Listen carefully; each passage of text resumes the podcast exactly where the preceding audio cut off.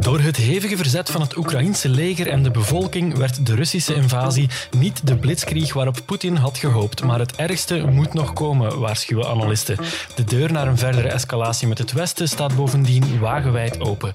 Is het wel verstandig van Europa om Poetin in een hoek te duwen met zware sancties? En wat is de uitweg uit dit conflict? We praten erover met professor Jonathan Holslag en we bellen met Joni de Rijke, die als journalist voor de morgen naar Kiev is gereisd. Mijn naam is Dries Vermeulen, dit is duidelijk.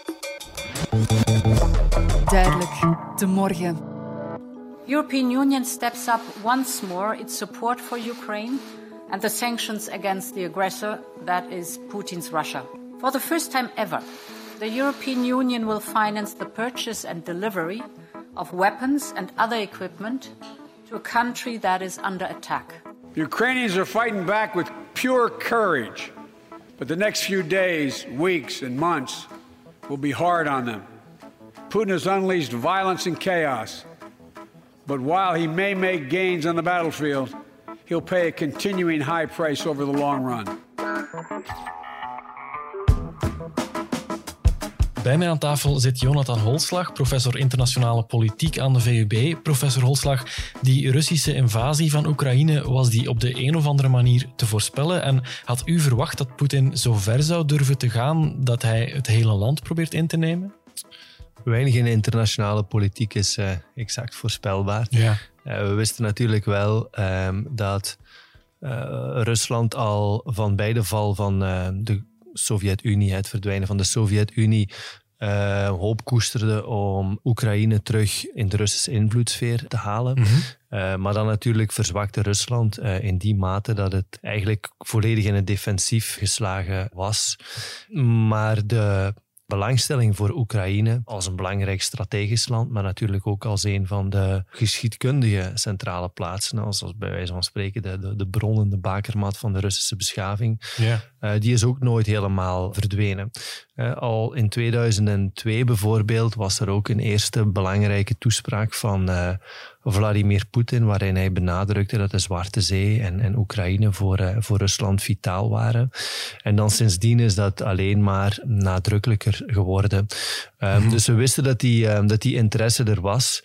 Uh, maar ik denk tot voor kort dat um, heel weinig mensen, zelfs in de inlichtingengemeenschap, uh, durfde beweren dat uh, Poetin Rusland uit waren op een uh, complete invasie zoals we die, uh, die vandaag zien. Ja, had het Westen die bezorgdheden van Vladimir Poetin serieuzer moeten nemen? Had men dit conflict zelfs kunnen vermijden door beter met hem te praten? Goh, eh, wel, die situatie is bijzonder complex. Hè. Om, om te beginnen was de Europese Unie in de jaren 90 natuurlijk heel erg bezig uh, met de stabilisatie van Oost-Europa, uh, mm-hmm. de toetredingsprocedure van, uh, van een aantal lidstaten. Ook hele belangrijke conflicten nabij Europa. De, de Balkancrisis bijvoorbeeld is er een van. veel humanitaire tragedies in, in, in Afrika. Dus in de internationale politiek is het gewoon heel vaak dat je geconfronteerd wordt met een, een veelheid aan uitdagingen. En dat het dan heel erg moeilijk is om alles tezelfde tijd goed te doen. Hoewel dat natuurlijk mm-hmm. een belangrijke vereiste is, zou je kunnen zeggen, voor staatsmanschap en, en internationaal uh, leiderschap. Ik denk het tweede puntje is dat er wel degelijk altijd overleg is gepleegd met, uh, met, met Rusland op heel veel manieren tussen bepaalde Europese lidstaten en, en Rusland, vooral Duitsland. Uh, en dat er ook um, toch wel een belangrijk, uh, um, een belangrijk partnerschap werd voorgehouden. Hè. Er is nagedacht over een zogenoemd PCA, een comprehensive uh, akkoord of partnerschap, mm-hmm. strategisch partnerschap ook, zeer doorgedreven economische um, relaties. Dus dat, dat, dat overleg is er wel steeds geweest, maar niet van die aard om Rusland tevreden te stellen en ook niet van die aard om een stukje te verliezen of de ogenschijnlijke verliezen aan Russische zijde te compenseren en dan vooral de uitbreiding van de NAVO uh, naar toch een aantal landen die in de voormalige Sovjet-sfeer vielen. De huidige houding van het Westen, van de EU, die is historisch, die is ongezien. Banken, Russische banken worden geïsoleerd, worden uit het internationaal betalingssysteem SWIFT gegooid. De EU gaat zelfs voor het eerst in haar geschiedenis wapens leveren aan een land dat wordt aangevallen. Ja, verbaast dat u, die hevige reactie? Goh, uh, verbazen. Uh, ik denk dat dit onvermijdelijk was om twee redenen. Eerst en vooral heb je natuurlijk uh, de complete schok die door uh, Europa gaat. Een aantal leiders die zich persoonlijk ja, belazerd voelen door Poetin. Zeker de Duitse kanselier en de Franse uh, president. Twee, ook een schokgolf, omdat Europa nu echt wel wordt geconfronteerd met de keerzijde van twintig jaar engagement, eindeloos veel dialogen en overleg en, uh, en, en, dat dat eigenlijk tot niks blijkt uh, geleid te hebben. Mm -hmm. um, dus ik denk dat dat heel veel verklaart. Natuurlijk ook de vraag vanuit Oekraïne zelf. Hè. Oekraïne probeert ons echt wel actief mee in het, in het bad te trekken. Oost-Europese lidstaten die aandringen op heel, uh, heel doortastende uh, maatregelen.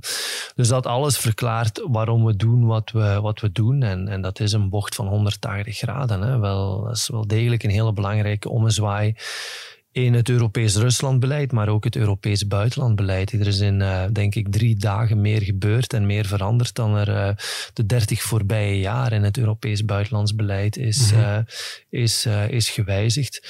En in dat opzicht, denk ik, is, is Oekraïne de hele tragische en trieste prijs die we lijken te betalen om ja, de veiligheid in Europa echt ernstig te nemen. En ja, Europa ook te laten doorstoten tot dat soort van um, acties die um, van Europa toch iets meer een, een, een, een, strategische speler maken. De vraag nu en de uitdaging nu is ervoor te zorgen dat het allemaal coherent blijft. Um, en ook dat ja, we voorbereid zijn op een actie-reactie. Natuurlijk hele verregaande maatregelen die uh, onvermijdelijk waren, die, die belangrijk zijn. Uh, maar dan moet je ook rekening houden met, uh, met, met de Russische tegenzet. Frans Timmermans, vicevoorzitter van de Europese Commissie, die zat deze week bij Radio 1, die sprak daarover die sancties en die zei daar onder meer het volgende het is ook vooral de, de vraag uh, hoe ver men Poetin wil laten gaan in Rusland. Want uh, alles wat hij uh, gedaan heeft, heeft een negatieve uitkomst. Hè. Heeft dus, Europa heeft hij zo verenigd gemaakt, dat heb ik nog niet eerder gezien. De band met de Verenigde Staten is, moet u even terugdenken aan een paar jaar geleden, hoe het met Trump was. En nu zien hoe zeer we eensgezind opereren met de Verenigde Staten. Rusland is een paria, een paria. Economische paria, politieke paria paria. Uh, FIFA, UEFA, ook op sportgebied vindt hij ook heel belangrijk. Een paria. Dat kan je de Russen niet aandoen. En, en, en ik wil ook heel erg benadrukken: dit is niet Ruslands oorlog. Het is Poetins oorlog. Hij is degene die dat doet. En ik zou het verschrikkelijk vinden als de hele Russische bevolking uh, zou worden gestraft voor uh, het avonturisme en, en de misdaad van één iemand. Professor Holslag, lopen we inderdaad het risico om met deze sancties Rusland helemaal te isoleren van de rest van de wereld? Uh, met de huidige westerse sancties niet. Uh, heel veel zal afhangen van de komende week. Als Rusland dan verder vastloopt in het offensief, gaan een aantal landen die nu twijfelen wellicht breken met het, uh, het Kremlin. Of toch heel terughoudend uh, blijven. Ik ben het niet volledig eens met de analyse van meneer Timmermans dat Rusland een paria is. Uh, we hebben, en we zien dat ook in het stemgedrag in de VN bijvoorbeeld, een zeer groot aantal landen uh, dat zich ofwel onthoudt, uh, ofwel gewoon uh, tegen sancties stemt. Mm -hmm. Dus daar moeten we wel degelijk rekening mee houden. Ik denk de meeste landen in de wereld kijken de kat uit de boom, nemen een afwachtende positie in en willen vooral zien wie wint.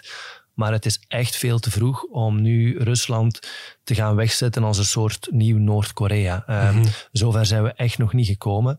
Poetin heeft, denk ik, heel fel zijn hand overspeeld nu met dit offensief. Ik denk, hij had het meeste schade kunnen toebrengen aan het Westen door niet in uh, zo'n grote invasie op te zetten en te stoppen en de Amerikanen in, in discrediet te brengen met een, uh, met een, een, een, uh, Intel-rapporten.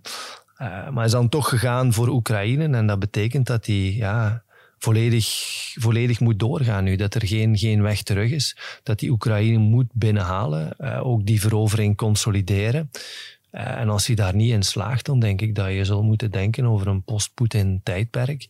Uh, en dan ga je naar een heel andere wereldorde, hè, waar we dan de voorbije jaren ja, een soort van anti-westerse autoritaire as zagen groeien. Mm gaat die dan een, een stukje verzwakt worden.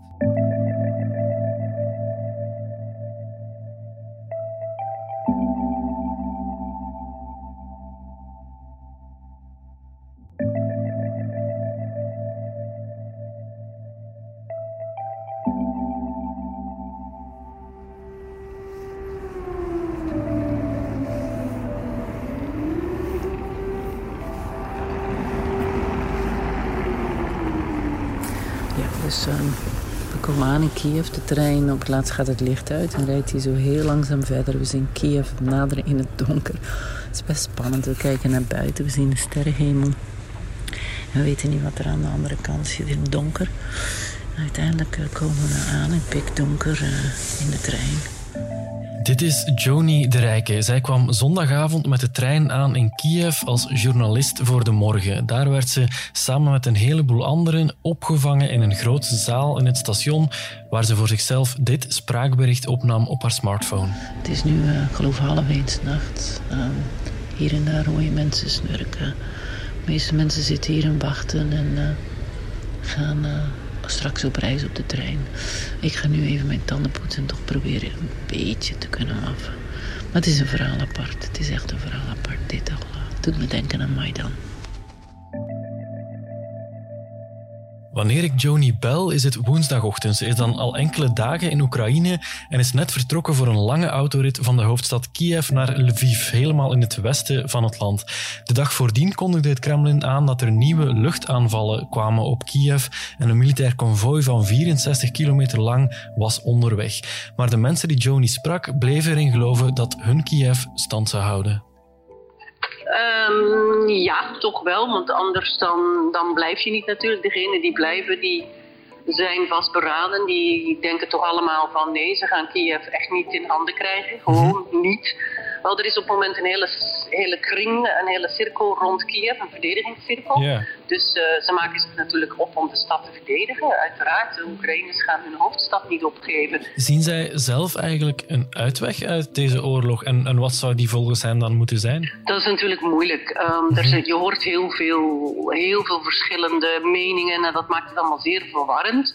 Sommige Oekraïners die zijn de wanhoop nabij, maar ja, dat zijn degenen die meestal weggaan. Vooral dan natuurlijk vrouwen en kinderen, eh, gezinnen. Maar ja, wat ik zeg, er is toch ook wel bijzonder veel weerstand en mensen die zeggen van nee, uh, we, gaan, uh, we geloven er niet in en hij krijgt het, niet, het land niet in handen. Nu, dat hebben de Oekraïners sowieso. Hè. Ze zeggen van stel dat de Russen komen en dat Kiev wordt ingenomen, ja, dan, dan kan Kiev dan op het moment wel Russisch zijn, maar we gaan nooit, nooit, nooit toegeven. Ik bedoel natuurlijk niet, uh, de Oekraïners blijven Oekraïners en uh, Poetin zal nooit uh, de mhm. heart en mind van de bevolking winnen. Hadden mensen in Oekraïne en Kiev meer verwacht van Europa? Voelen zij zich voldoende gesteund? Nee, ze voelen zich. aan de ene kant weten ze ook wel dat Europa veel doet en materiaal stuurt, dat weten ze. Maar mhm. ze hebben allemaal. Wat er, wat er gisteren opviel, is dat heel veel mensen vroegen ja, wij willen bescherming uh, van het luchtruim. Um, dat kan. En waarom doet Europa dat niet? Want ze zijn natuurlijk heel bang voor, voor ja, aanvallen vanuit de lucht, voor bommen. Al die verhalen gaan rond. Nu, dat, dat maakte mij ook wel bang, moet ik zeggen. Al die thermobarische bommen en, en weet ik wat voor akelige wapens er allemaal te sprake kwam. Dat lees ik natuurlijk de Oekraïners ook. Er is heel angstaanjagend als je daar in zo'n stad zit en weet dat dat eventueel op je af kan komen. Ja. Dus zij, zij willen vooral bescherming van het luchtruim. En dat is wat ze van Europa vragen. En gisteren de directeur van het kinderziekenhuis die deed een hele emotionele oproep aan Europa. En die zei van ja, jullie vragen allemaal wat we nodig hebben in het kinderziekenhuis en wat ze voor spullen de mensen kunnen brengen. Maar we, we willen dat niet. We willen dat ons luchtruim beveiligd wordt. En we willen dat Europa meewerkt, dat we hier vrede hebben en dat die oorlog ophoudt. Dat is wat we nodig hebben. En die zei ook heel nadrukkelijk, want als jullie dat niet doen, dan komt Poetin naar Europa. En die was dat echt aan het herhalen een aantal keer. Dat was zeer indrukwekkend. Oké. Okay. Joni, dankjewel dat ik je even mocht bellen. Ik hoop dat je je volgende bestemming veilig kan bereiken. Ja, ik, uh, we, zien wel weer waar we uitkomen. Um, dus ja, het verhaal, uh, het verhaal uh, loopt voorlopig verder en we zien het wel. We volgen het hier in België op de voet. Dankjewel hoor. Oké. Okay.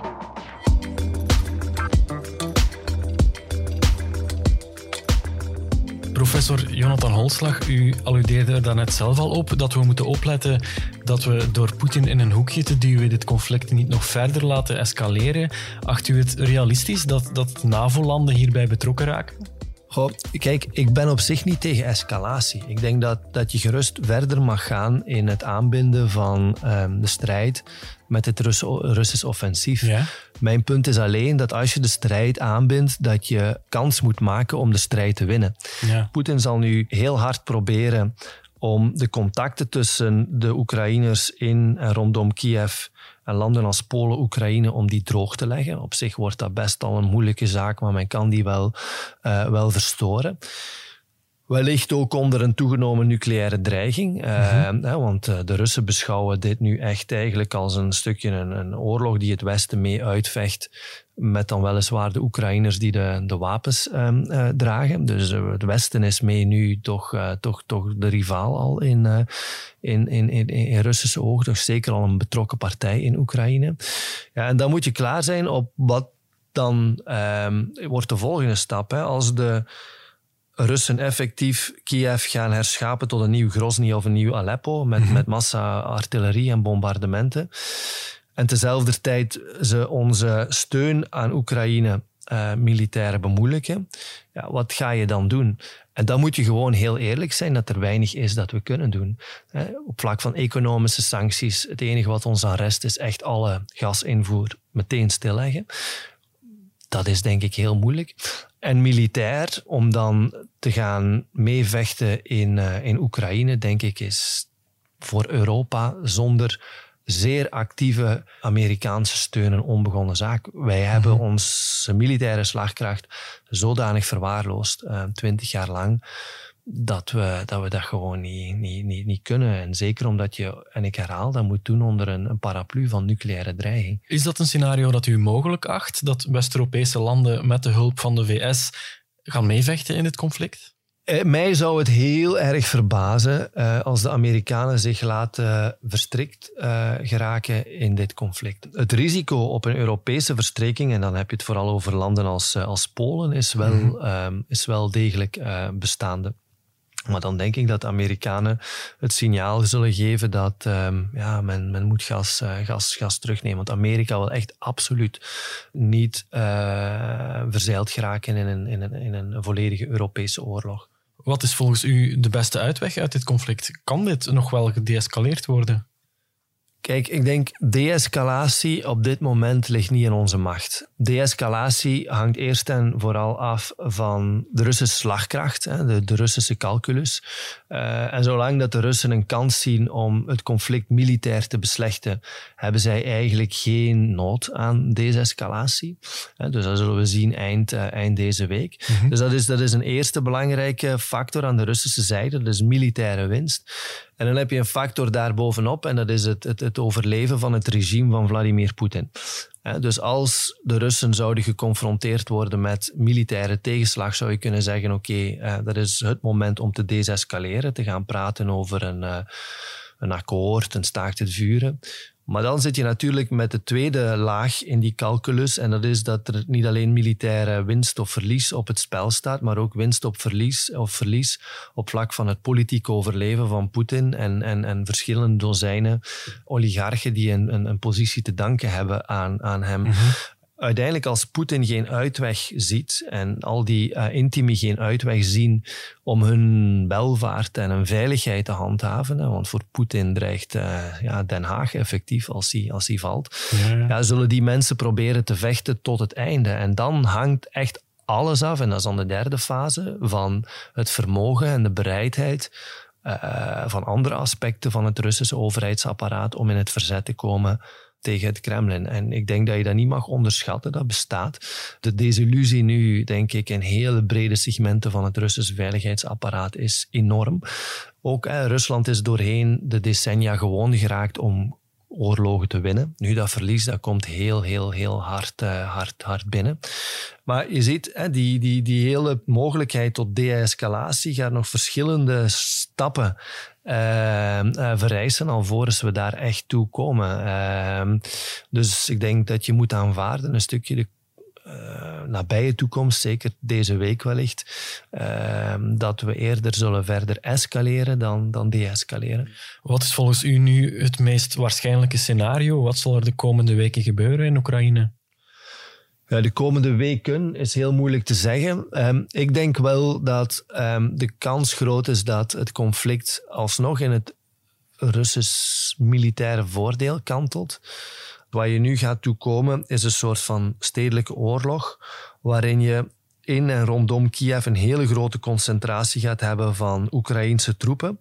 Luchtafweersystemen, antitanksystemen, heel veel gesofisticeerde wapens die Rusland als enige mogelijkheid laten om um, ja, het volle pond te geven op militaire doelen die eigenlijk in, uh, in, in, in, in burgerlijk ge, gebied liggen. Rusland heeft bewezen dat het dat kan hè, en dat het die uh, meedogenloosheid ook kan tonen het zou zo'n conflict moeten kunnen winnen, maar opnieuw, ik denk dat het voor de Russen één zaak was om te schieten op Grozny en, en Aleppo, en dat er nog een andere zaak is om te schieten op Kiev. Ja. En twee, zelfs als Kiev valt, hè, heb je een belangrijke veldslag uh, gewonnen, maar nog niet de hele oorlog. Mhm. De komende dagen zou je een zekere kanteling kunnen hebben opnieuw in het Russische voordeel. Met dan opnieuw daarna een grote periode van moeilijkheden, omdat dan het moment is aangebroken om om te consolideren, om, om, om te bezetten effectief. En, en dat is iets wat doorgaans veel middelen vereist. Hè. We, ik denk dat, dat we daar hele belangrijke lessen kunnen trekken uit de Amerikaanse invasie in, in, in Irak, het optreden in Afghanistan. Het lijkt erop dat na een heel uh, sequentie gewonnen oorlogen, nu eigenlijk Poetin zich een stukje heeft bezondigd aan dezelfde overmoed als waar de westerse landen zich aan hebben bezondigd ja, ja. Uh, de, voorbije, de voorbije twintig jaar. Laatste vraag, professor. Hoe deze oorlog ook doorgaat of afloopt, kunnen we ervan uitgaan dat de internationale verhoudingen nu definitief veranderd zijn? Ja, veranderen sowieso, maar hoe ik herhaal, hangt af van, van, van de finale uitkomst van dit conflict. Hè. Als je gaat naar een Russische overwinning, dan vermoed ik dat je echt een as gaat krijgen China-Rusland. Ja. Uh, tegenover het Westen, uh, voor, voor, voor, voornamelijk. En dat je de facto een nieuwe Koude Oorlog hebt.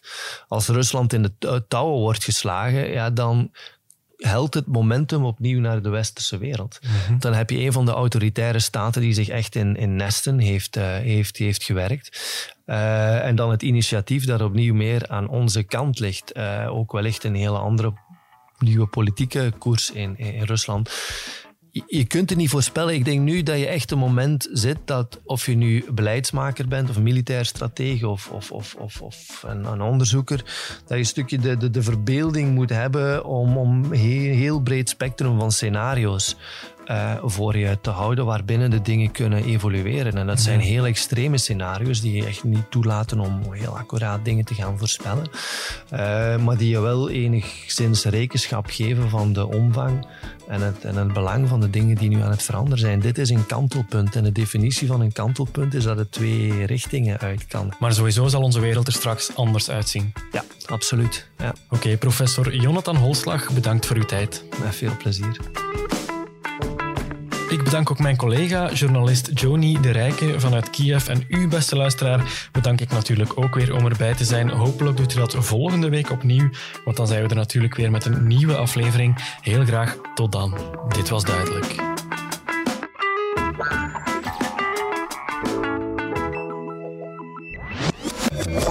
Duidelijk. De morgen.